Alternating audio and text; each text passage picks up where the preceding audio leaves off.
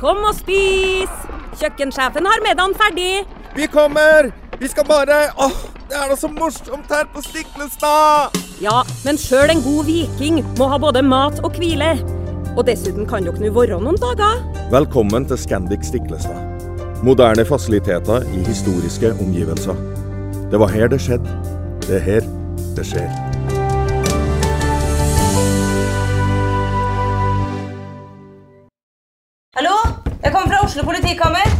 Ine Jansen er purk. Er du purk? The motherfucking bitch. Alt jeg vil, er å finne ut hva som skjedde med mannen min. Jon Carew. Er jeg sikta for noe? Iben Akeli. Det er du. Ole So, Lars Berrum og Big Daddy Karsten. Hvem sin side er du på, egentlig? Anette Hoff, Tone Danielsen, Kommer du fra Afrika?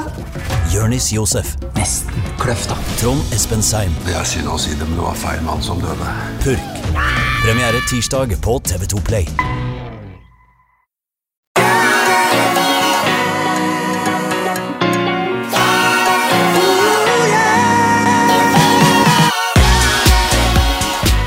Velkommen til podkasten Hjernesterk. I dag med gjest. Det er Marit Kolby. Hyggelig at du kunne komme. Jo, takk. Det var uh, gøy å få en invitasjon litt sånn på kort varsel. Men eh, Veldig kort varsel. Det var vel i går eller forgårs. Det er uh, det som Jeg skulle da først introdusere deg. Det var viktig å si hei først. Du har også jobbet som vitenskapelig assistent på avdeling for cellebiologi ved Radiumhospitalet. Og har bachelorgrad i natur, nei, matvitenskap og master i ernæringsbiologi. Men du har jo også laget denne boka her nå som er veldig aktuell, og som mange kjøper og leser. Hva og når skal vi spise? Som du har fått, eh, Ole Petter. Veldig bra, med hilsen. Og det var jo du som inviterte Marit hit, Ole Petter. Og eh, du er veldig opptatt av at Marit har en, Marit har en tydelig stemme. Og det liker du.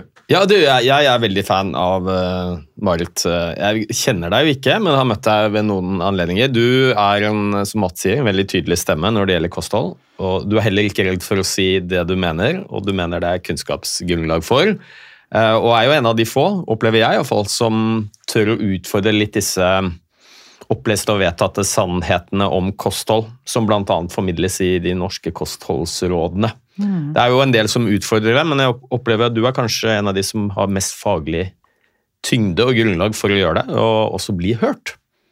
Ja, jeg har jo grafset til meg en sånn posisjon Ja. hvor jeg, jeg har stått på denne soppekassa mi, som jeg kaller det, og, og snakket høyt om disse tingene lenge. Og etter hvert så, så har jeg jo blitt en etablert stemme, da.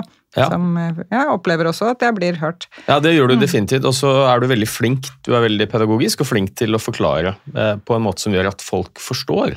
Ja, og da tenker jeg at det, det var én ting du glemte i innledningen der. Eller glemte og glemte. Jeg har jo å jobbet, her, altså. jobbet ganske lenge nå med undervisning på Oslo nye høgskole, og jeg tror at det er noe av grunnlaget for at jeg har lært meg å formidle klart og tydelig. da, At jeg har jobbet med undervisning. Og da handler det jo hele tiden om å ta dette svære pensumet og bake det ned til et eller annet som både er forståelig og interessant, sånn at studentene på en måte får med seg et overblikk men også noen detaljer, og, ja, og, og få trigget interesse og sånn. Så det, jeg tenker jo at det er det som eh, Eller det var kanskje nøkkelen, da. Mm. For å eh, kunne klare å formidle om kosthold ut på den måten jeg gjør også nå. At jeg har lært meg det via undervisningen. Mm. Mm. Ja, Det tror jeg er veldig viktig, viktig poeng. At det er en god skole å gå når man skal formidle til, til folk flest. Ja, det å ha undervist. Mm. Denne boken din, den som heter Hva når vi skal spise, den har jo ligget på bestselgerlistene veldig lenge. Hvor mange uker har det blitt? Nå er det sånn at denne kommer ut i, i 2022, og da er det sånn at når du kommer til eh, Når er det det er da? Eh, Er det nyttår? Da går alle 2022-bøker ut av lista uansett. Mm. Så selv om den der fortsatt selger veldig godt, så ligger Ja. den ikke på listene.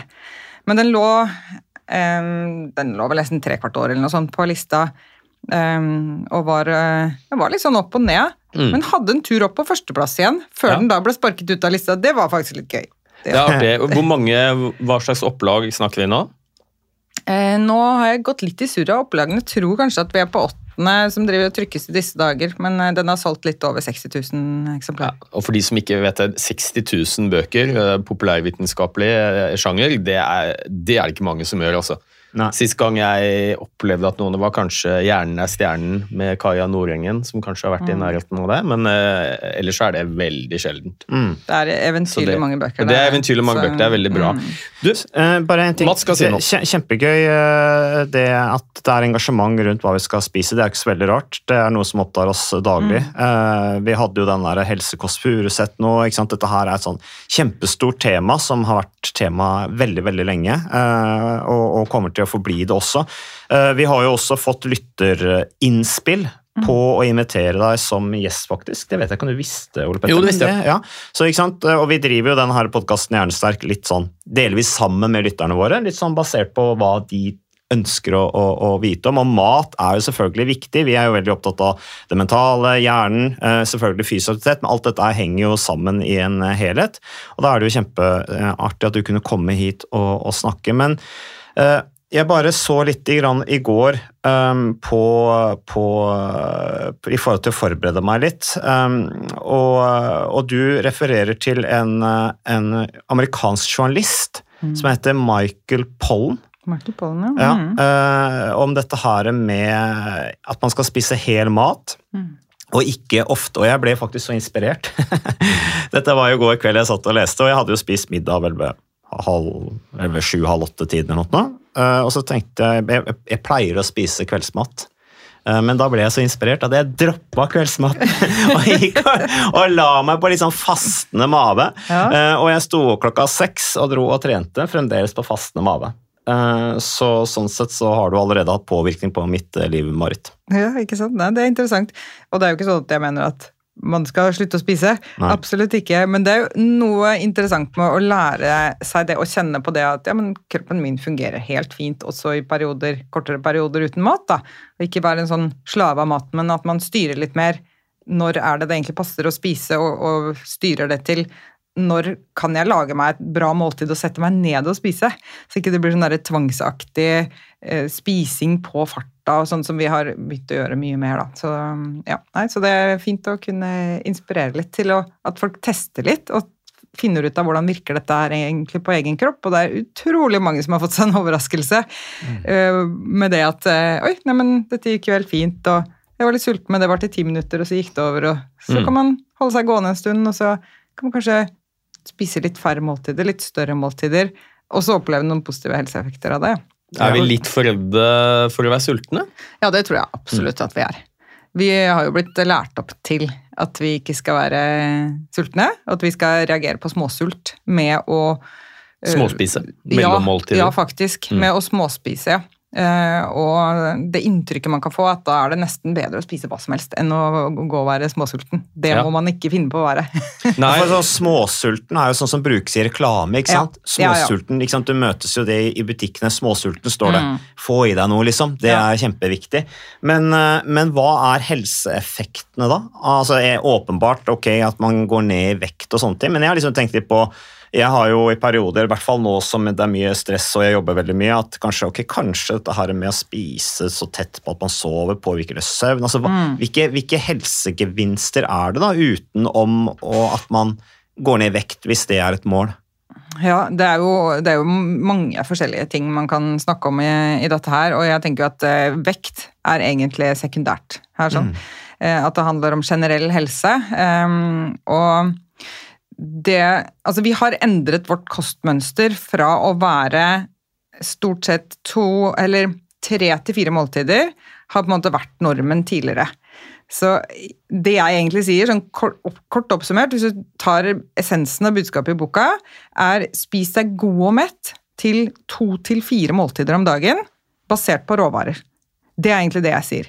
Hvis vi hadde reist tilbake i en tidsmaskin til mine besteforeldre var unge, å si, og altså, folk levde litt mer eh, Kanskje litt mer på sitt naturlige ressursgrunnlag, flere dyrket maten selv. Eh, ikke sant? Man jobbet hjemme på en gård, og eh, det livet man levde da Hvis jeg hadde stått og sagt noe sånt da, så hadde jeg sagt Hva er det du snakker om? Det er jo det vi alle sammen gjør. Ikke sant? Det er null revolusjonerende, egentlig. Men så har vi fått en utvikling i måltidskultur hvor det har blitt eh, heiet frem som noe positivt å spise ofte og lite. Det har blitt sagt eh, også fra helsemyndighetene, med, egentlig med null kunnskapsgrunnlag til å backe det opp. Det har vært en slags sånn antakelse at det er bra. Har det noe med blodsukker å gjøre? Ja, Det Altså er jo begrunnelsen som Ja. har blitt brukt. Og det er også en helt feilaktig begrunnelse. Hvis du Ja. spiser ofte og lite, så svinger blodsukkeret mye mer enn hvis du spiser sjelden og mer. Sant? Så, så det er også um, et feil budskap. Men jeg mener jo at dette budskapet her er styrt av matindustrien. Som ønsker at vi skal spise industriprodukter istedenfor å lage mat selv. For det er jo åpenbart det mest lønnsomme for dem. Mm. Eh, Og de drives jo av et krav om profitt, selvfølgelig. Så hvor, hvor kan vi utvide våre marked? Altså hvor kan vi få vekst? Ikke sant? Det er jo det de er ute etter. Eh, Det gjør jo alle businesser, det. Prøver å finne ut hvor er det vekstpotensialet.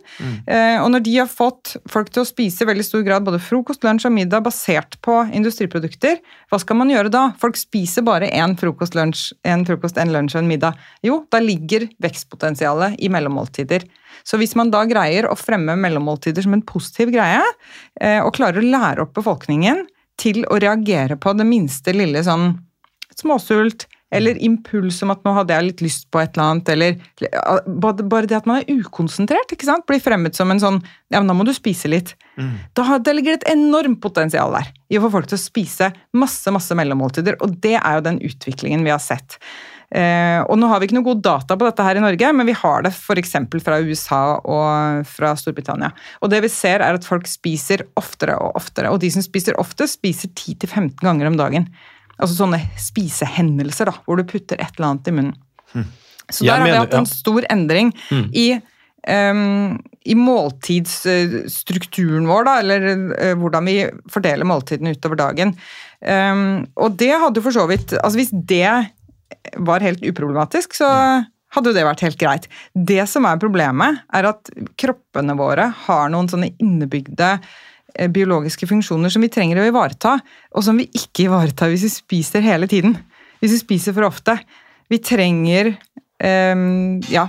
Dere putter jo penger på meg, sant? jeg bare prater i vei. Ja, det er veldig bra. Det er, det er særlig to det er to spesifikke ting jeg vil nevne der. og Det ene er det som jeg har kalt børstebilen Ja. i boka mi.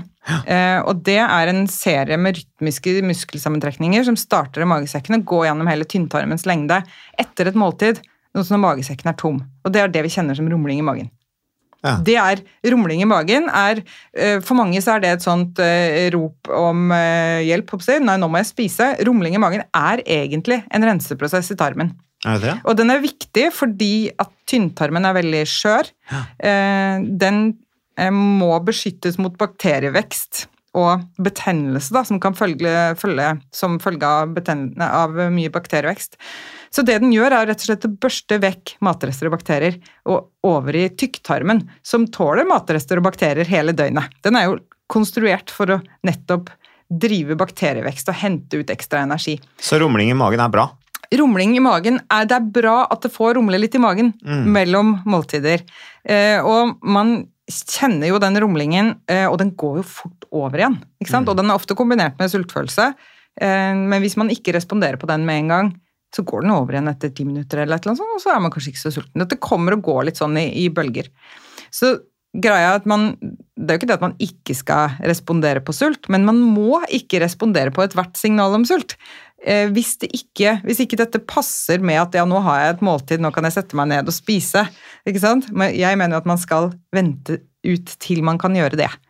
Så det er den ene funksjonen, som er en, eh, ja, en, en viktig biologisk funksjon som vi ikke helt har anerkjent. Og jeg tror jo det er fordi at når denne, denne ble oppdaget, så kunne vi så lite om mikrobiotaen vår, altså de mikrobene som vokser i fordøyelsen vår. Det kunne vi nesten ikke noe om da, så vi skjønte ikke, klarte ikke å koble det sammen med at ja, men dette her handler om bakterievekst tarm.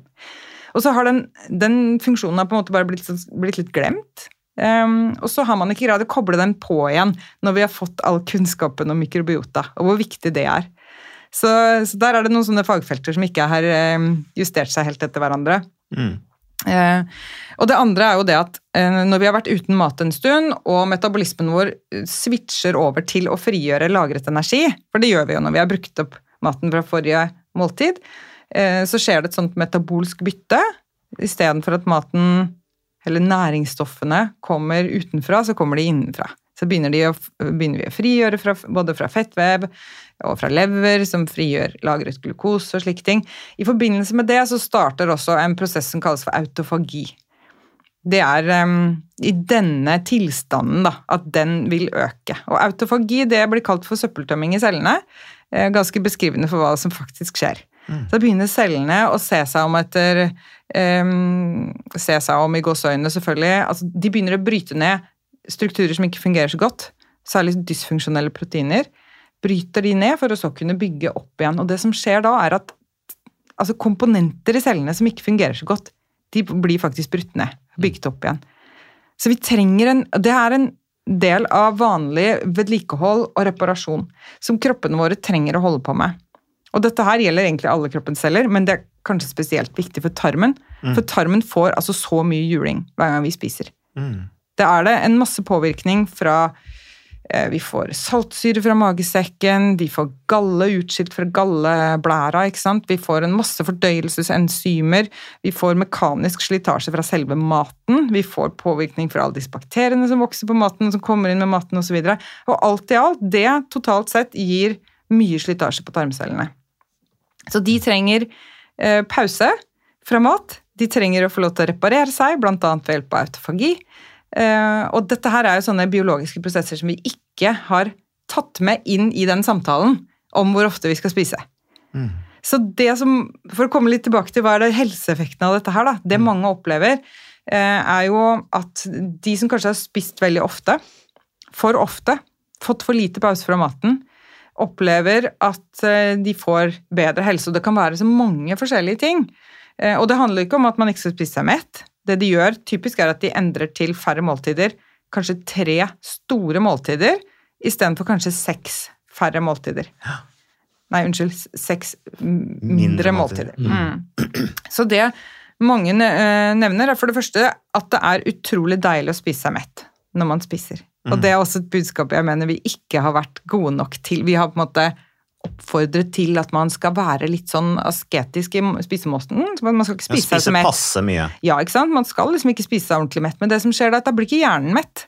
Og da går man egentlig og, og har lyst på noe, og så begynner man å snoke og tenke på det, bruke tid og krefter, mental kapasitet bruker man da på å skulle undertrykke den, det ønsket om å spise mer, fordi at man ikke har spist seg mett.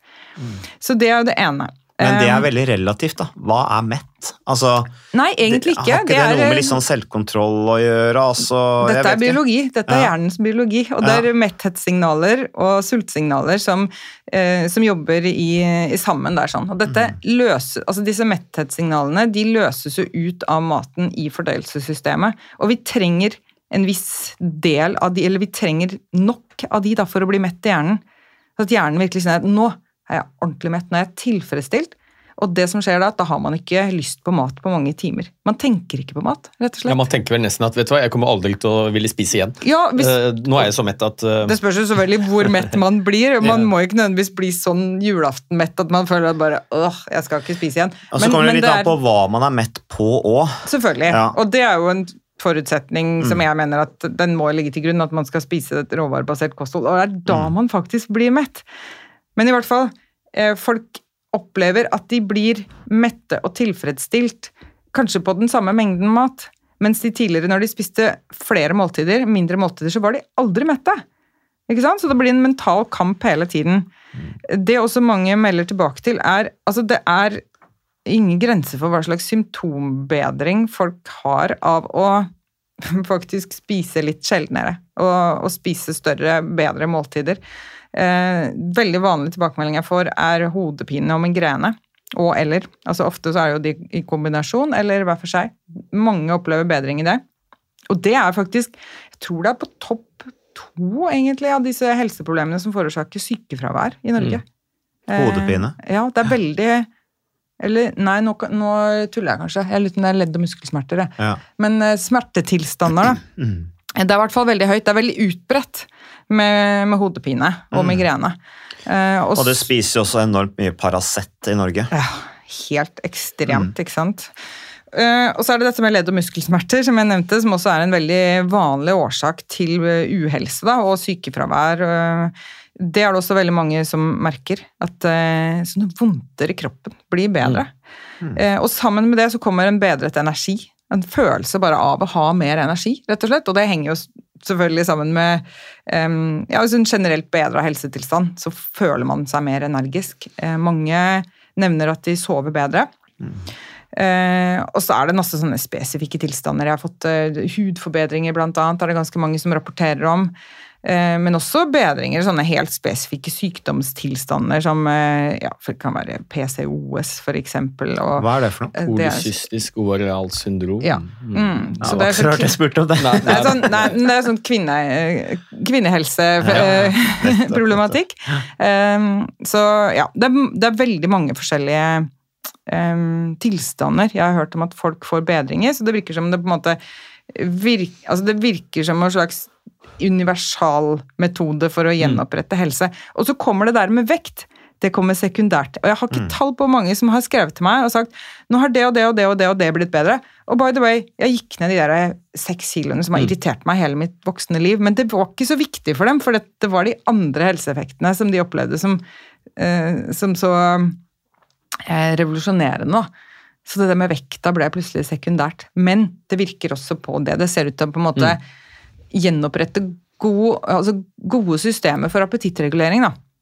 At vi, vi tuller til dem også. Hvis vi spiser for ofte, så tuller vi til sult og metthet og disse biologiske signalene som skal virke i hjernen på den og den og den måten. Men dette syns jeg er veldig interessant, for dette er jo litt på tvers av Ikke bare litt, men ganske på tvers av det de norske kostholdsanbefalingene sier. For der er det jo offentlig til å spise tre hovedmåltider, og så gjerne et par eh, småmåltider imellom.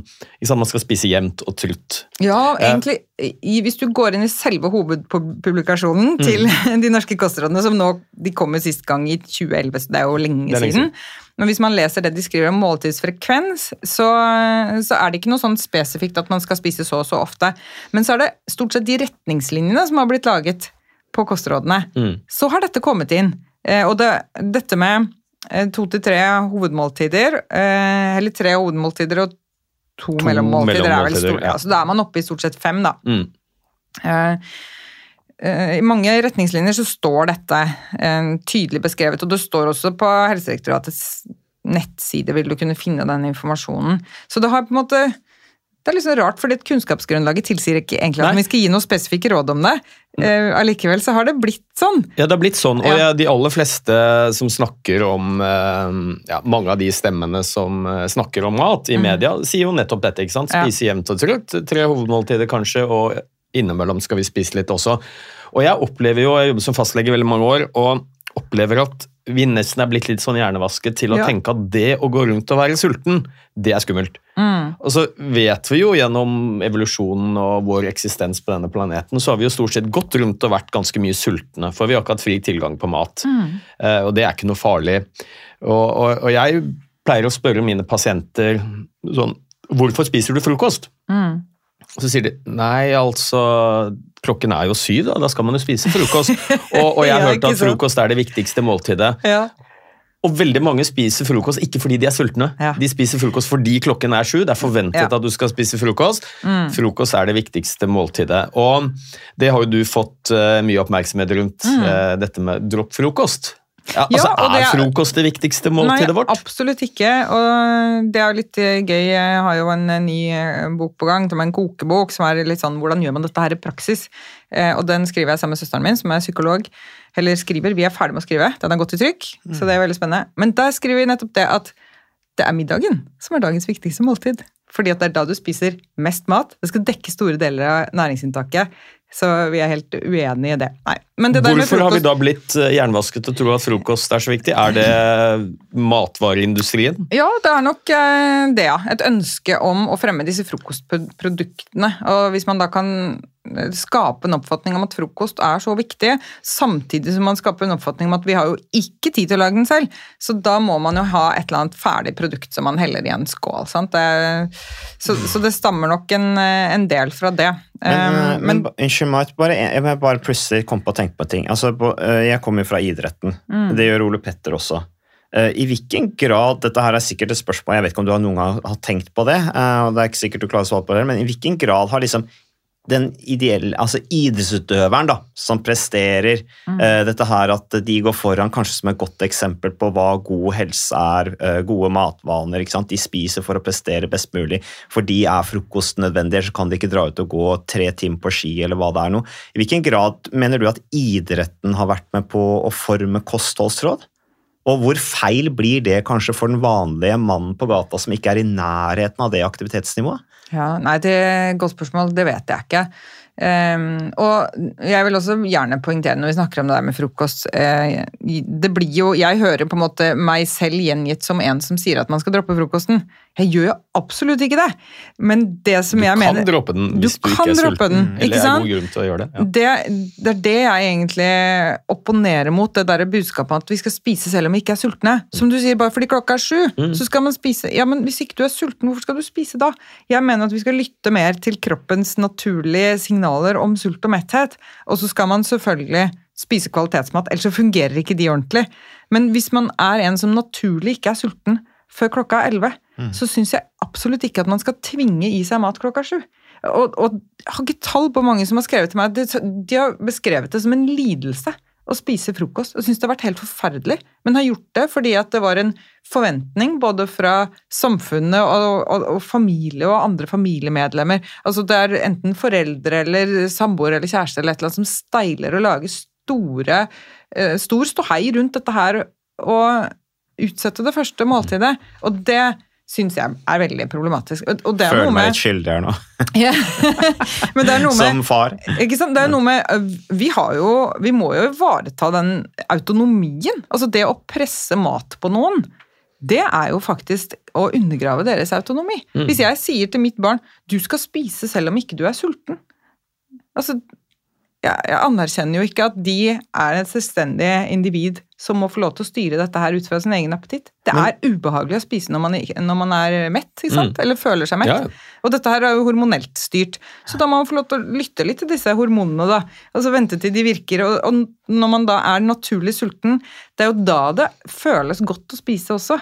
Og det er jo da man har tilrettelagt eh, sånn rent fysiologisk for å spise, for dette virker som om det å kjenne på sult, det tilrettelegger for at man kan spise et solid måltid og bli ordentlig mett. Så, så det er noe med Det er et psykologisk aspekt her også, som vi også Ja. skal anerkjenne, tenker jeg da. Men jeg bare, tenker bare sett fra et farsperspektiv og liksom sånn i samfunns, samfunns, altså sånn samfunnsperspektiv, da.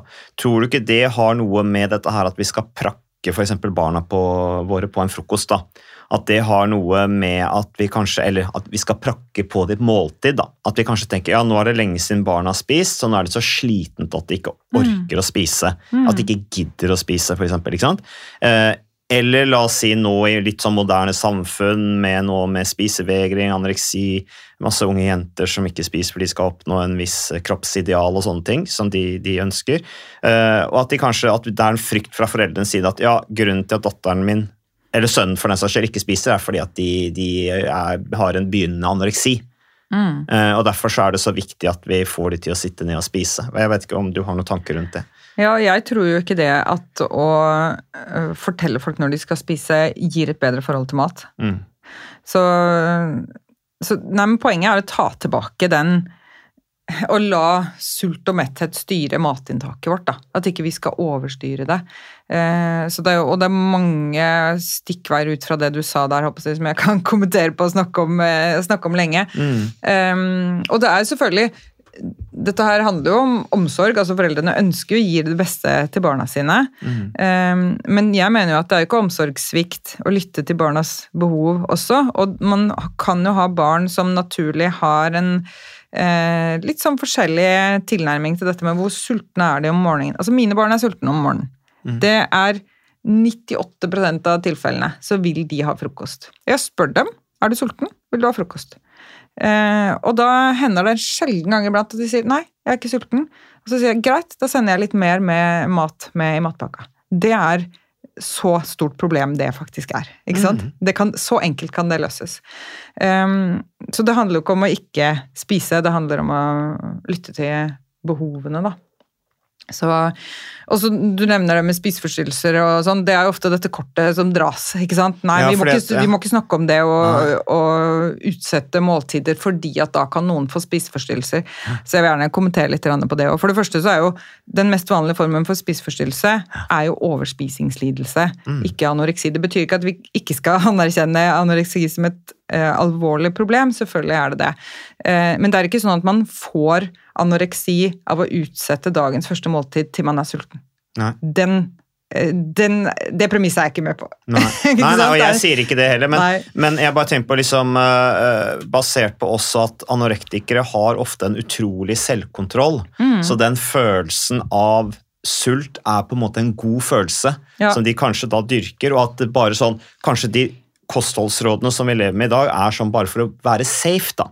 Bare lage en ramme som folk holder seg innenfor, sånn at man bl.a. forebygger da nettopp anoreksi. Uh, og, eh, og selvfølgelig dette med matvareindustrien alt dette her er sikkert også gode argumenter, men det er bare sånn tanke som slår meg nå når du snakker, da, at jeg får de der ideene om at kanskje er det nettopp for at ja, folk har ikke den kjennskapen til sin egen kropp. Eh, De har ikke den forståelse av at eh, det å gå rundt og være sulten fra evolusjonens eh, ståsted, det er egentlig en naturlig måte å leve på. At det også kanskje gjør oss mer skjerpa, sånn som vi har snakket litt om, Ole Petter. Dette her med Ukas annonsør det er HelloFresh. Og hvis du nå går inn på hellofresh.no og bruker koden 'fresh hjerne', så kan du få opptil 1779 kroner rabatt på da de fem første matkassene dine hvis du ikke har prøvd HelloFresh enda. Og Ole Petter, vi er jo glad i HelloFresh i podkasten Hjernesterk, eh, selvfølgelig fordi at de er en annonsør. De er med og bidrar til å spre det glade ordet om fysisk aktivitet og god helse. Men i tillegg så har jo vi også nå lang erfaring med HelloFresh Fresh selv. Så vi må jo si at det har vært gode erfaringer til nå. Ja, absolutt. Visste du, Mats, at HelloFresh det er faktisk verdens ledende matkasseleverandør? Og tilbudene til HelloFresh gjør det enkelt å lage gode og varierte retter som skaper matglede. Og matglede vet du, det er like viktig som hva du putter i munnen. Det å spise mat med folk du trives med. Så gjennom 25 nye og inspirerende retter hver uke så bidrar HelloFresh til dette. Du kan bestille ekstra porsjoner om du får gjester, eller hoppe over uke hvis du f.eks. skal bort. Og Det er ingen bindingstid, og du velger leveringstidspunkt og dag selv, så leverer HelloFresh matkassen din akkurat når det passer deg. Ikke dårlig, Mats. Nei, det er veldig bra. Så, øh, og dette er med enklere hverdag, det kan jeg nå skrive under på. For nå, forrige erfaring vi hadde forrige uke, Ole Petter, det syns jeg var Det var jo et gjennombrudd øh, for familien Kaggestad. For da lagde rett og slett barna De lagde middag og serverte middagen, så den var ferdig laget og servert da når eh, min kone Marita og meg kom hjem fra jobb. Og jeg mener, det var jo bare helt utrolig. Eh, Det var helt fantastisk. Det ble en nydelig middag. Riktignok, de, de, de, de roter og søler litt, det gjør de. Så, men, men maten ble veldig god. De var veldig stolte over å kunne ha både laget og servert maten, så det var helt fantastisk. Så vi har jo da i siste så har vi eh, spist bl.a. eh, sitron- og dillstekt hyse med ovnsbakte grønnsaker og aioli. Eh, Vi har spist middelhavsinspirert kylling. Taco, så finnes det mange ulike typer taco. F.eks. vietnamesisk taco, som vi har spist. Thailandsk vegetargryte.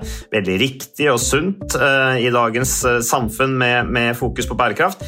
Hvitløk og chilistekte reker i spagetti, det var definitivt en vinner. Så det er så flott. Du får rimelig mat ved at du kun betaler for det du trenger, så det blir ordentlig feststemning med Hello Fresh. Det gjør det, og nå er det bare for deg å gå inn på hellofresh.no og bruk koden FRESH hjerne. Da får du opptil 1779 kroner rabatt på de første fem matkassene dine, hvis du ikke allerede har prøvd HelloFresh. Du kan også bruke rabattkoden hvis du har stoppet abonnementet ditt for tolv måneder siden eller mer. Er det noe å lure på? Håper maten smaker godt. Bon appétit! At sult er det en driver som kanskje gjør at du, du, du eh, ha, står på mer? Da, at det faktisk kan bidra positivt på, på prestasjonsevnen din også, til en viss grad? At det måtte, vi måtte være sultne når vi levde på savannene for å kunne dra ut og jage, jage dyra og få mat på bordet? Eller mat i hulen? Og vi måtte i hvert fall ikke miste funksjon fordi vi var sultne. ikke sant? Så Det er jo det også mange opplever. at ja, men jeg er sulten, men jeg fungerer helt fint. Jeg kan løpe på tom mage. Mm. Men, så det er et par ting jeg vil kommentere på der også. For det første så er det jo det at det, det at man utsetter eh, et måltid, betyr ikke at man er sulten hele tiden. Sult kommer og går i bølger. Dette er altså hormonelt styrt. Så man, eh, når man kjenner sultfølelse, så sammenfaller det med at et sulthormon som kalles grelin, det stiger. Skilles ut i magesekken, signaliserer hjernen, og så kjenner vi oss sultne. Hvis man da ikke responderer på den sultfølelsen med å spise der og da, så faller nivåene igjen, og så er vi ikke sultne. Og mange har sikkert opplevd det at man f.eks. kan legge seg litt sulten.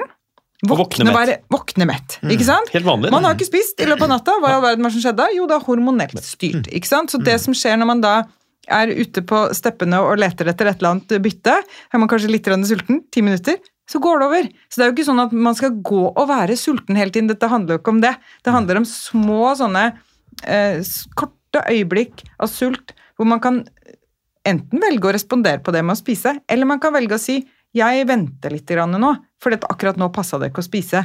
Akkurat nå har jeg ikke et måltid. Jeg får ikke satt meg ned og spist. Da mener jeg at man skal utsette det til man er i den situasjonen der. Og så var det det du nevnte med at kanskje kostrådene liksom har anbefalt en sånn jevn måltidsrytme for øh, å forhindre eh, at folk Ja, Det var bare en helt sånn vill tanke fra meg, men altså bare at det er bare safe. Liksom. Det er trygt, det er, eh, det, det er lett for folk å forholde seg til. og blant annet I forhold til anoreksi så er det jo bra at folk eh, lærer seg å spise fast. da, Tre-fire ganger om dagen for å kanskje også forebygge den type problematikk. Da, at, man ikke, at, det er, at det er en hårfin balanse hvis myndighetene skal gå ut og si at eh, det å være sulten er bra, fordi at da blir det kanskje oppfattet eh, av da misbruk, da. Ja, men av det de som, blir jo «Oi, veldig- yes, der, liksom, jo, der men ser du. poenget Ja. med disse, for Jeg har litt lyst til å spørre om disse kostholdsrådene, for de er jo, skal være forsknings- og kunnskapsbaserte.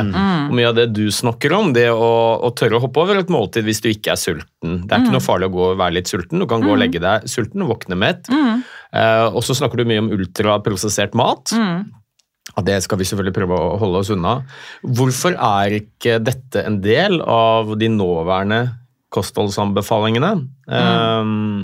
Det er det ene. Og det andre, eh, nå har vi jo fått nye, nytt kunnskapsgrunnlag for de nye kostholdsrådene som skal komme. Der er det vel heller ikke snakket noe særlig om f.eks. ultraprosessert mat eller måltidshyppighet. Hvorfor er ikke dette med? Nei, ikke sant. Altså, når det gjelder de gamle kostrådene eh, fra da 2011. ja, ikke sant? Da var jo dette konseptet helt nytt. Det var jo ikke noe forskning på det ennå. Eh, den klassifiseringen som definerer mat inn i forskjellige grupper, og bl.a. en gruppe som heter ultraprosessert mat, den ble publisert i 2009. Og det tok noen år før det begynte å komme studier. Det, det er masse lag, som vi kaller Ja, det, ikke sant? på sånne ting. ja. Det tar lang, lang tid å skaffe gode studier. Eh, Så det har tatt mange år. Det er jo egentlig først fra 2016 at det virkelig begynte å komme gode studier. eh, Og så er det kanskje først fra 2018-19 at det virkelig har kommet en massiv mengde med god evidens, som vi kaller det da. Så, eh, så dette har tatt tid, så det er ikke noe rart at ikke det er i de gamle kostrådene. Nei. Ehm, men så er det jo da det, med når vi nå skal revidere og få nye kostråd, for vi har jo ikke fått nye norske kostråd ennå. Det har vært mye snakk om kostråd i sommer, men det var altså de nordiske kostrådene, eller kostråd for de nordiske og baltiske landene som ble oppdatert, eh, og som ble publisert i juni. Eh, Og det danner egentlig et kunnskapsgrunnlag for at hvert land nå, inkludert i dette samarbeidet, kan lage nye kostråd, hvis de ønsker det. Eh, og det skal vi gjøre i Norge, så det er jo kommunisert tydelig fra Helsedirektoratet at det skal lages nye kostråd i Norge nå. Eh, De som, vi foreløpig vet foreløpig ikke hvem som skal gjøre den jobben, men den er på oppdrag fra Helsedirektoratet. da. Eh, Så de, skal, de har planlagt at de skal komme i 2024. Mm. Eh, og hva som kommer med der, det vet vi jo ikke ennå, men det vil overraske meg mye hvis det avviker mye fra det nordiske. Også Som- fordi ja. at de nordiske, dette arbeidet med å lage nye nordiske kostråd ble jo ledet eh, fra Norge, fra Helsedirektoratet. Mm. Ikke sant? Så det er litt rart. Dette arbeidet har vi gjort, dette syns vi er godt. Eh, nå gjør vi noe helt annet. Det Ja. tror jeg ikke vi vil se. Men for det, for det er vel ingenting som tyder på at det med ultraprosessert mat eller det med måltidshyppighet Nei. eh, er på vei inn Nei. i de nye. Nei, det er ikke det. Eh, og, men begge deler ble jo vurdert i de nordiske kostrådene. Eh, de mener dette med måltidsrytme, eh, og særlig kanskje dette med eh, periodisk faste. Da. De mener at kunnskapsgrunnlaget var for svakt Mm. til å si noe om det. Og det kan jeg til dels være enig i, fordi at mange av de studiene som er gjort på det med å Um, for eksempel det vi kaller det vi egentlig snakket om i stad. Utsette frokosten. Det kaller vi for tidsbegrenset spising. Man trenger ikke å gjøre det ved å utsette frokosten, man kan også kutte i andre enden av døgnet. Slutte å spise tidligere på dagen. Men det å lage et, det vi kaller et begrensa spisevindu, da, at man har uh, en del færre timer i løpet av døgnet hvor man spiser enn man faster, det det er da, kaller man da tidsbegrenset spising. Eh, Så det har blitt vurdert i forbindelse med disse kostrådene. Eh, Der er det så mye dårlig forskning. Eh, ikke sant? For hva skjer hvis du tar, hvis du tar en gruppe friske, normalvektige menn som allerede har en nattfaste på tolv timer, og så setter du dem på nattfaste på ti timer, kan man liksom forvente noen dramatiske endringer da? Selvfølgelig får man ikke det! Ikke sant? Så det som er problemet er at Vi har ikke studert de gruppene mennesker vi trenger å studere, som er de som har eh, lagt seg til et måltidsmønster hvor de spiser hele tiden, og kanskje har plager som følge av det. Det er jo de vi må studere. Det er jo nesten ikke gjort. Og så er det eh, Har man ennå ikke altså Dette er et såpass nytt forskningsfelt. Man har ennå ikke egentlig etablert noen gode definisjoner eller regler for hvordan man forsker på det. Hvor stort skal dette spisevinduet være, da? Det er masse variasjon på det. Eh, og hva er det man skal måle? Eh, og, eh, så, så her er det egentlig såpass mye kaos i forskningen at man får ikke noe tydelig signal. Eh, Så her mangler det god forskning. Eh, Og det du nevnte, mm, det glemte jeg å si, så nå var det veldig fint at jeg kom på det. Det Ja. der med helseeffekter. Ja. Noe av det som er mest tydelige, er dette med eh, mage-tarmproblemer. Dette med, som, som gjerne utspiller seg i form av matintoleranser. Ikke sant? Man opplever at man reagerer på mat eh, og får mye eh, symptomer fra, eh, fra fordøyelsessystemet. Ja. Alt fra smerter, oppblåsthet, eh, det kan være eh, forstoppelse og diaré. Og så er det gjerne, i forlengelsen av sånne problemer, så har man gjerne mange andre sånne sekundærproblemer som er koblet til problemer i fordøyelsen. Eh, og det her er jo eh, ikke dokumentert i det hele tatt. Det er ikke undersøkt. Det fins ikke én studie på hvordan det å eh, begrense antall måltider eller begrense spisevinduet sitt, hvordan det påvirker f.eks. IBS, altså irritabelt tarmsyndrom, eller andre typer sånne, sånne Som det er enormt mye av i dagens samfunn. Det er så mye av det, og det er så mange som plages, og det er utrolig mange mennesker som er kjempefrustrerte, eh, har, eh, har masse problemer, eh, søker veldig etter Altså bruker utrolig mye energi og frustrasjon på en måte etter å lete etter hva er, det, hva er det som plager meg? Hva er det som gjør meg syk? De merker at jeg, jeg reagerer på maten, men jeg klarer ikke å finne ut hva det er. Nei. Og fordi, altså Jeg er en av de selv som har vært der, og som har brukt utrolig mye tid og krefter på å lete etter hva er det kostholdet som kan holde meg symptomfri. Og jeg fant det aldri før jeg fant ut at det var frekvensen som var problemet. Jeg spiste for ofte. Og det, jeg har også fått det er mange Du mener at det var årsaken til Ja. at du hadde de problemene du hadde? ja? Mm. Og når jeg da spiser sjeldnere, større måltider, og har litt mer sånn av det jeg kaller hverdagsfaste, Mm. eh, så plutselig tåler jeg ting som jeg aldri tålte før. Og som jeg var helt, jeg var helt overbevist om at dette tåler ikke jeg, dette kan ikke jeg spise, fordi at jeg fikk symptomer når jeg spiste det. Men når jeg da spiser sjeldnere, så får jeg ikke det. Så det, jeg vet at den sammenhengen er der, og det er fordi at jeg har fått jeg har hundrevis av meldinger om sånne, sånne ting. Og det er så mange som har fortalt meg at jeg begynte å spise litt sjeldnere, jeg har litt lengre nattfaste, jeg har ikke IBS-problemer lenger. Så at den det, det kan ikke være en tilfeldighet. Og så tok det veldig lang tid før jeg turte å snakke om det, fordi at det er ikke dokumentert noe sted. Vi har ingen studier på det. Så, så her mangler vi masse forskning, ikke sant? Men det at Så- ting ikke er dokumentert, betyr ikke at det ikke er noe effekt. Nei, ikke sant? Og det er jo ikke noe vanskelig å skjønne hvorfor det er sånn når man ser på ja, Hvorfor var det vi ikke skulle spise så ofte? Jo, Mm. det handler om reparasjon og vedlikehold. spesielt i tarmen. ikke sant? Og det handler om å holde bakterievekst nede i tarmen. Så blir det helt logisk at den sammenhengen kan være der, og at det er noe vi må studere. Men i hvert fall, det er ett eksempel på et svært kunnskapshull som gjør at disse nye nordiske anbefalingene sier at vi kan ikke konkludere på dette her. Vi har ikke dataene, for de er utelukkende datadrevne. ikke sant? Det, er, det Mm. handler bare om hva er det vi kan eh, si noe om. Så det var den der med, med måltidsrytme og, og slike ting. Altså den, der er, det er rett og slett eh, for nytt, tenker jeg da. Um, ellers så man kunne også kritisere hvordan arbeidet har vært utført hvis man hadde laget noen gode, bedre kriterier for hvilke studier man faktisk inkluderte der. Eh, så kunne kanskje man kommet til noen andre konklusjoner. Men eh, ja, det har, ikke, fall, det har ikke skjedd. Men når det gjelder dette med ultraprosessert mat, som du spurte om, eh, der er jo evidensgrunnlaget helt enormt. Og det er, det er ikke det er helt udiskutabelt at de som har et høyt inntak av ultraprosessert mat, altså hvor kostholdet på en måte er dominert av det, de har økt risiko for omtrent alt som er av Ja, sykdommer. og tidlig død. Ja, ja. ja. Og det er, det er liksom Det er alle de sykdommene vi jobber hardt med å, å prøve å begrense, da. Ikke sant? Som fører til utrolig mye sykelighet i befolkningen. Og så ser man da det motsatte av et ultraprosessert matdominert kosthold. Det er jo et råvarebasert kosthold. Og da ser man jo det motsatte hele veien. ikke sant? Lavere risiko for alle disse sykdommene.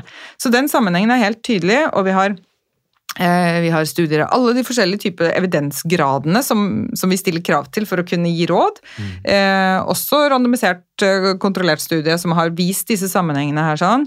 Eh, vi har oppsummerte studier, vi ser en dose-respons-sammenheng, det blir litt nerdete her, men, altså, men man ser på en måte alle disse kriteriene vi stiller for å kunne si noe om at eh, for å kunne si at her er evidensen god nok for å gi råd, de er til stede når det gjelder ultraprosessert mat. Og for masse forskjellige helseproblemer.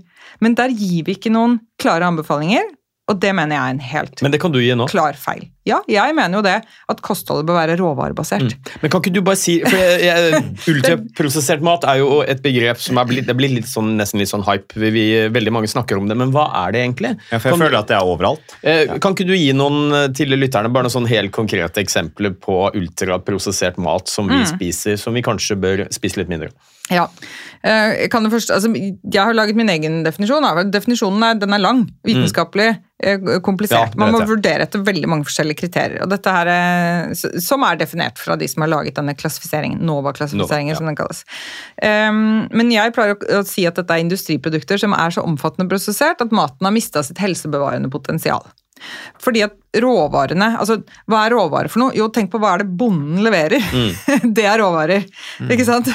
Eller hvis du inkluderer de som fisker som bønder, da. Men Ja, ja. altså, der selve maten kommer fra, på en måte der vi høster eller dyrker den i naturen og sånn. Um, det er råvarene.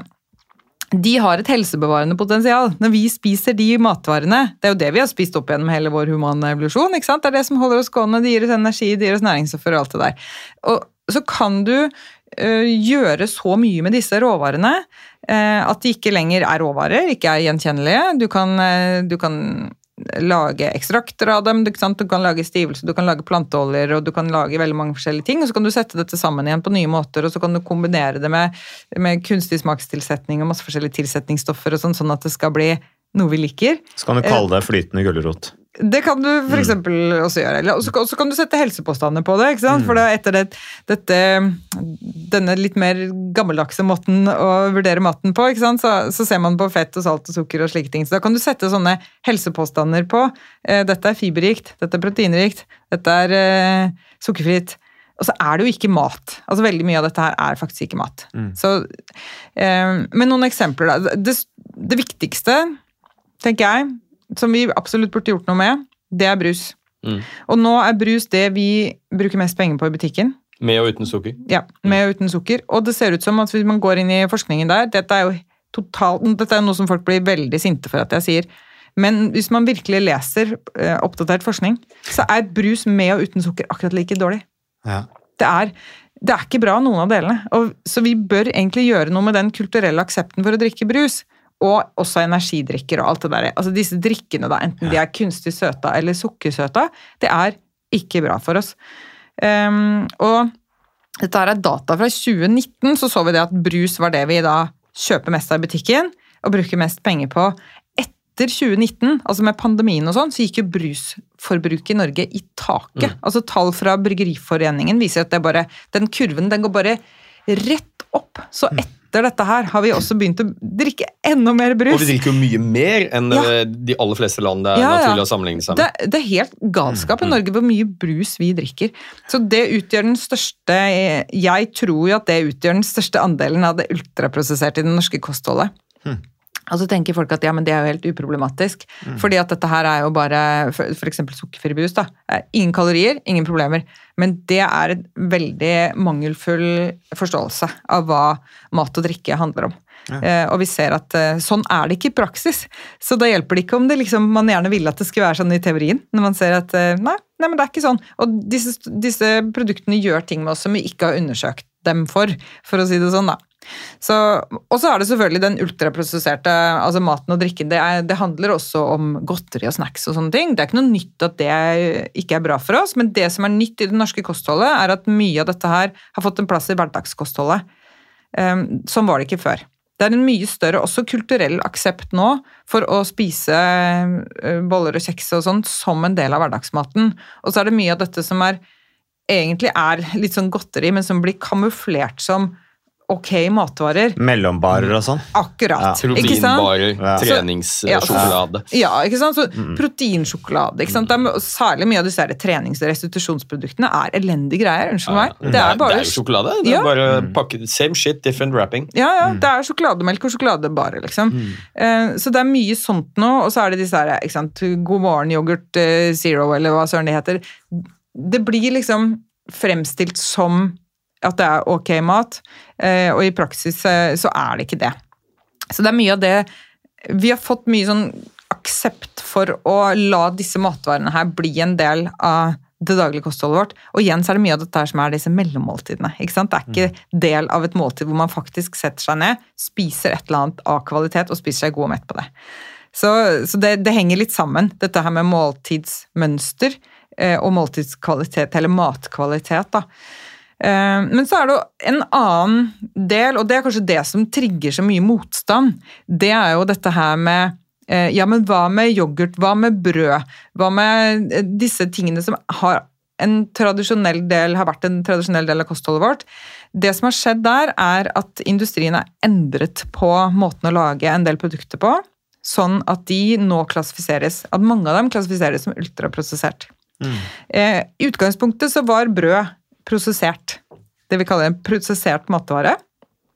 Eh, og så kan man lage brød på en litt annen måte som er gunstig for industrien, men ikke for forbrukeren. Og der er skillet. Det er det som er skillet mellom prosessert og ultraprosessert mat.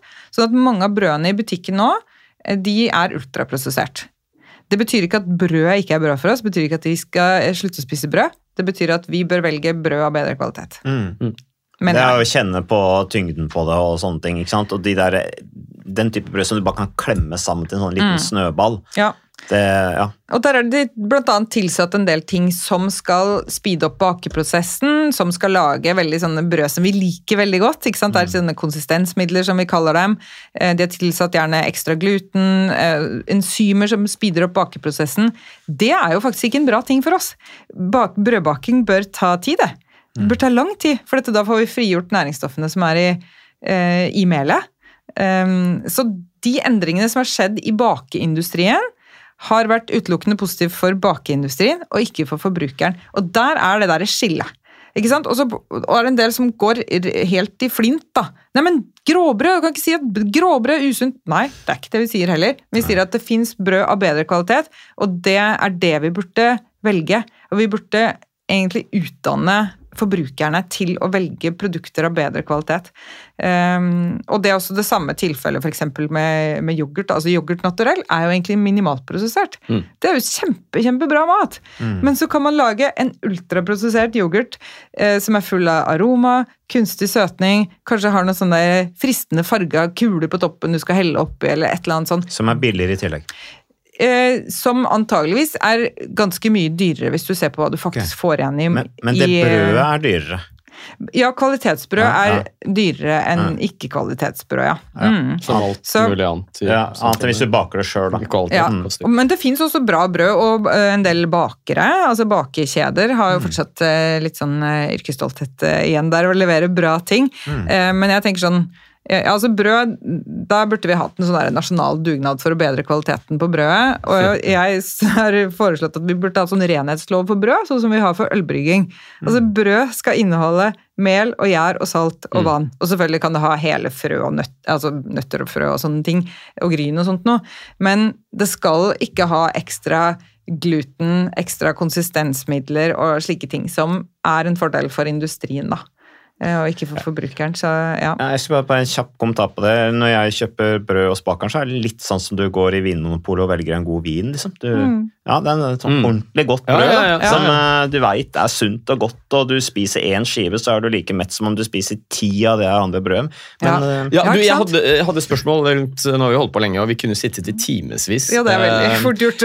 Litt sånn folke, folkehelseperspektiv så uh, har vi jo noen utfordringer i Norge. Det ene er jo at gjennomsnittsnordmann er relativt inaktiv uh, og spiser ikke spesielt sunt. Ja.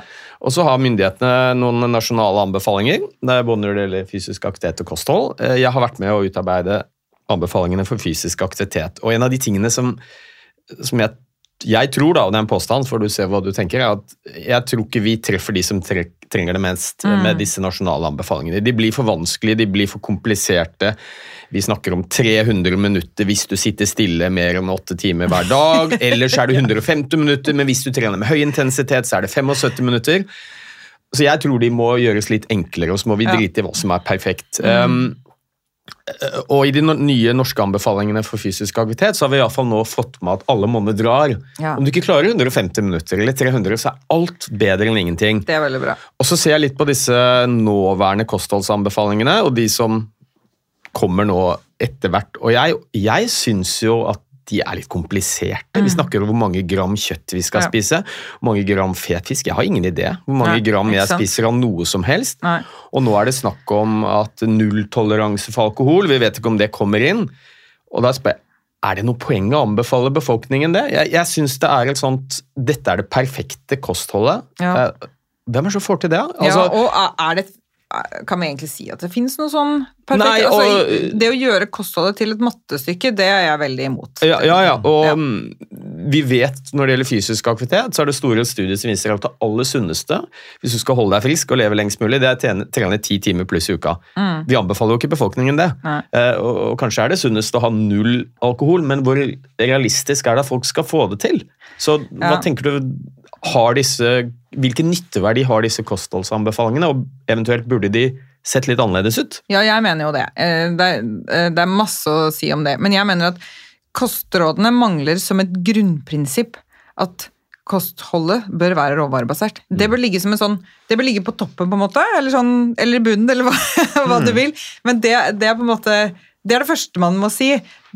Og så kan man jo snakke om hvilke matvaregrupper er det som er bra og næringsrike, og som tilfører oss bra ting. Og så kan man si baser kostholdet ditt på disse tingene her. Uten å gi noen helt nøye oppskrifter på hvor mye og hvor lite det skal være. Men hvis man klarer å kommunisere det tydelig, hva er det som er bra mat? Jo, det er, eh, det er fisk og kjøtt, og, altså rene råvarer av fisk og kjøtt, og det er egg, og det er melk og meieriprodukter, ikke sant? Så, så lite eh, omfattende prosessert som mulig. Det er selvfølgelig frukt og grønnsaker og nøtter og frø og, og bønner og alt det der. Basert kostholdet ditt på dette, liksom. Da hadde det Det er jo egentlig det jeg formidler, da. Og jeg opplever at folk syns at det er et enkelt budskap å forholde seg til. Ja, Eh, ja men det er det jo. ja, Mye enklere enn det som kommer i disse kostholdsanbefalingene. Ja, absolutt. Men når det er sagt, så jeg syns jo også at det er riktig at vi skal jo opplyse om det som ikke er bra for oss. Ja, Eh, Men jeg, jeg mener at vi bør bruke andre formuleringer. Jeg tenker sånn at alt det som vi vet F.eks. For eksempel, det ser ut som ethvert inntak av alkohol er negativt for oss. Mm. Da mener jeg at anbefalingen, anbefalingen bør være alkoholinntaket ditt bør være så lavt som mulig. Ja, ja. Ikke sant? For det, er, det gir rom for at jeg kan, liksom, jeg kan velge mine laster. Eh, Jeg vet at det ikke er bra for meg. Eh, Jeg skal holde det så lavt som mulig. Men det, betyr, men det å si at ikke det skal være noe i det hele tatt, det tror jeg For det første så er det ikke realistisk, og for det andre så tror jeg det kan vekke noe trass. Ja, Det, jeg. det virker litt sånn. Skal jeg Og pokker meg vise myndighetene, altså. Ja, ikke sant? Du sier at jeg ikke kan eh, spise kjøtt og drikke øl, ja, det er akkurat det jeg skal gjøre. Ja. Så, og vi ser at vi mennesker har litt sånn innebygd trass i sånn, Mm. og jeg vet ikke om det er det som gjør at nå er det visstnok sånn at de unge har begynt å røyke igjen. Ja. Eh, Er det også trass? Jeg veit da søren, jeg, men det er et eller annet med Vi må være litt smarte. Vi må jobbe med den menneskelige psykologien her, og Mm. så finne ut av hva er det egentlig som trigger interesse og motivasjon. Og det er i hvert fall ikke en sånn formaning ovenfra om at du skal spise sånn og sånn og sånn. og sånn. Du skal spise 25 gram planteolje om dagen. Ja vel, hvorfor skal jeg det? Og, hvordan, og hva skjer da, liksom? Når jeg spiser akkurat 25 gram planteolje om dagen. Men, så, så det der kunne vi gjort for flere ting. Vi kan gjøre det for alkohol, vi kan også gjøre det for sukker. Inntaket av sukker bør være så lavt som mulig. Og så må vi selvfølgelig gjøre det for ultraprosessert mat. Ja. Inntaket av ultraprosessert mat være så, bør være så lavt som mulig. Betyr ikke at man ikke skal spise noe. Vi har spist eh, lørdagsgodt og is og kaker i helgene som unntak liksom, i kostholdet. Det har vi gjort lenge før vi fikk noen fedmeepidemi og så Mm. mye kostholdsrelaterte helseproblemer. Så det er klart at vi har plass til noe. Men hverdagskostholdet det bør være råvarebasert. Mm. Og da bør man ha, velge mat av best mulig kvalitet. Eh, Og disse forfatterne som skrev dette kapitlet, som var kunnskapsgrunnlaget for de nye um, nordiske kostrådene, skrev dette veldig fint. Mm. Ikke sant? De hadde tre sånne enkle anbefalinger å holde seg til. Uh, og nå skal jeg se om jeg greier å huske det, men det ene var uh, Jeg tror det ene var at uh, la inntak av ultraprosessert mat være så lavt som mulig, og så velg mindre prosesserte varianter når det er mulig. Det betyr å velge det bedre brødet. Ikke sant? Det betyr å velge den um, yoghurt naturell istedenfor denne God morgen zero. Sånne ting. Uh, og så sa de også når du spiser ute, velg eh, Velg den råvarebaserte maten. Eller jeg husker ikke helt akkurat formuleringen, men det var noe sånn Det var helt enkle, greie grunnprinsipper og som, å forholde seg til, som hadde fått folk, tror jeg, da, til å velge de bedre alternativene. Eh, og se de bedre alternativene også. Det er jo noe med det, ikke sant? Mm. Når du spiser ute, hva er det som er bra mat her? Jo, er det, her var det torsk og poteter, ja. ja det er råvarer. Ja, fint, da velger jeg det, liksom. Istedenfor et eller annet annet. eh, Kanskje istedenfor pizzaen, eller Og så kanskje få med at eh, for Mitt inntrykk når jeg leser, det er at dette er det perfekte kostholdet basert på det vi har av forskning og kunnskap, men det er det jo ingen som får til over tid. Men man kanskje har litt mer fokus på at spise litt sunnere. Ja. Det behøver ikke å være akkurat sånn som myndighetene anbefaler, men bytte ut noe litt usunt med noe som er litt sunnere. Alle monner drar, da. Ja, absolutt. Eh, og, altså, og så er det ingen som snakker om matglede. Nei. Som, som, Ikke og, sant? det, og, det, og det var en amerikansk forsker som sa det, at eh, sannsynligvis er det like viktig hvem du spiser med, som hva du spiser. Og det er Det jo er viktige elementer i Ja, det. ja. ikke sant? I dagens samfunn så bare haster vi av gårde, og mat er bare noe vi skal ha. Ja, det er liksom Eh, bensin på tanken, Ja, ja, ja. og det er veldig um, så viktig. matgleden eh, er blitt litt borte. Da. Absolutt, og det er, Og det også er det noe... ikke noe snakk om i det hele tatt. Nei, ikke sant? Og det er også noe av det som jeg er opptatt av å formidle, at mat skal jo være en kilde til glede og altså livskvalitet. Og det er også mange som melder tilbake det at når de da spiser Altså de orienterer seg etter annen type mat, spiser litt sjeldnere, venter til de er sultne, så har de så mye mer matglede. Mm. Så Det er også noe som vi har med i denne nye kokeboka som kommer. På, på, liksom på den siden du blar opp på, så står det 'Til matgleden'. står det. Kommer den nå Den er i trykk, Den er i trykk, ja. Ja, Den kommer eh, 10. oktober kommer den i butikk. og den heter Den, eh, den heter hva, hva skal vi spise? Kokeboka. Ja, ja. Så det er en oppfølger da av hva og når. skal Det er, liksom, ja, det er den praktiske oppfølgeren, eh, og det er ikke noe fasit, men det er masse inspirasjon til hvordan du kan gjøre råvarebasert så enkelt. For det handler jo om det. Det er jo ikke, noe, det er ikke til å stikke under stol at vi har det travelt. Nei. At vi må prøve å få dette inn i livene våre på en måte som er mulig å få til.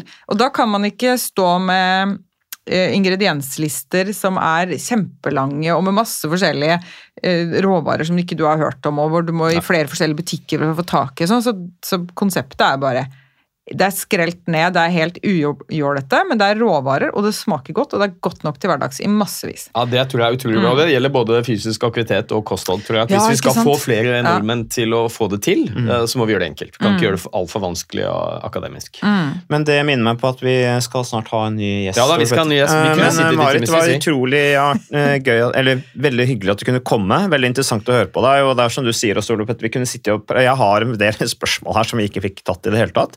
Eh, basert på litt hva jeg har lært fra idretten og sånne ting, som jo, jo krasjer litt med, med teorien der, og det skjønner jeg veldig godt hvorfor.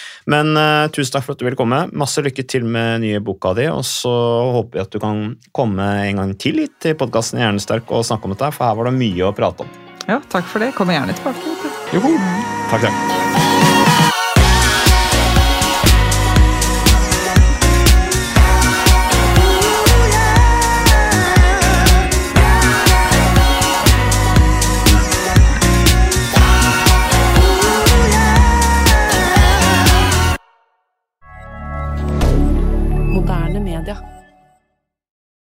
Har du et enkeltpersonforetak eller en liten bedrift? Da er du sikkert lei av å høre meg snakke om hvor enkelt det er med kvitteringer og bilag i fiken, så vi eh, gir oss her, vi. Fordi vi liker enkelt. Fiken superenkelt regnskap.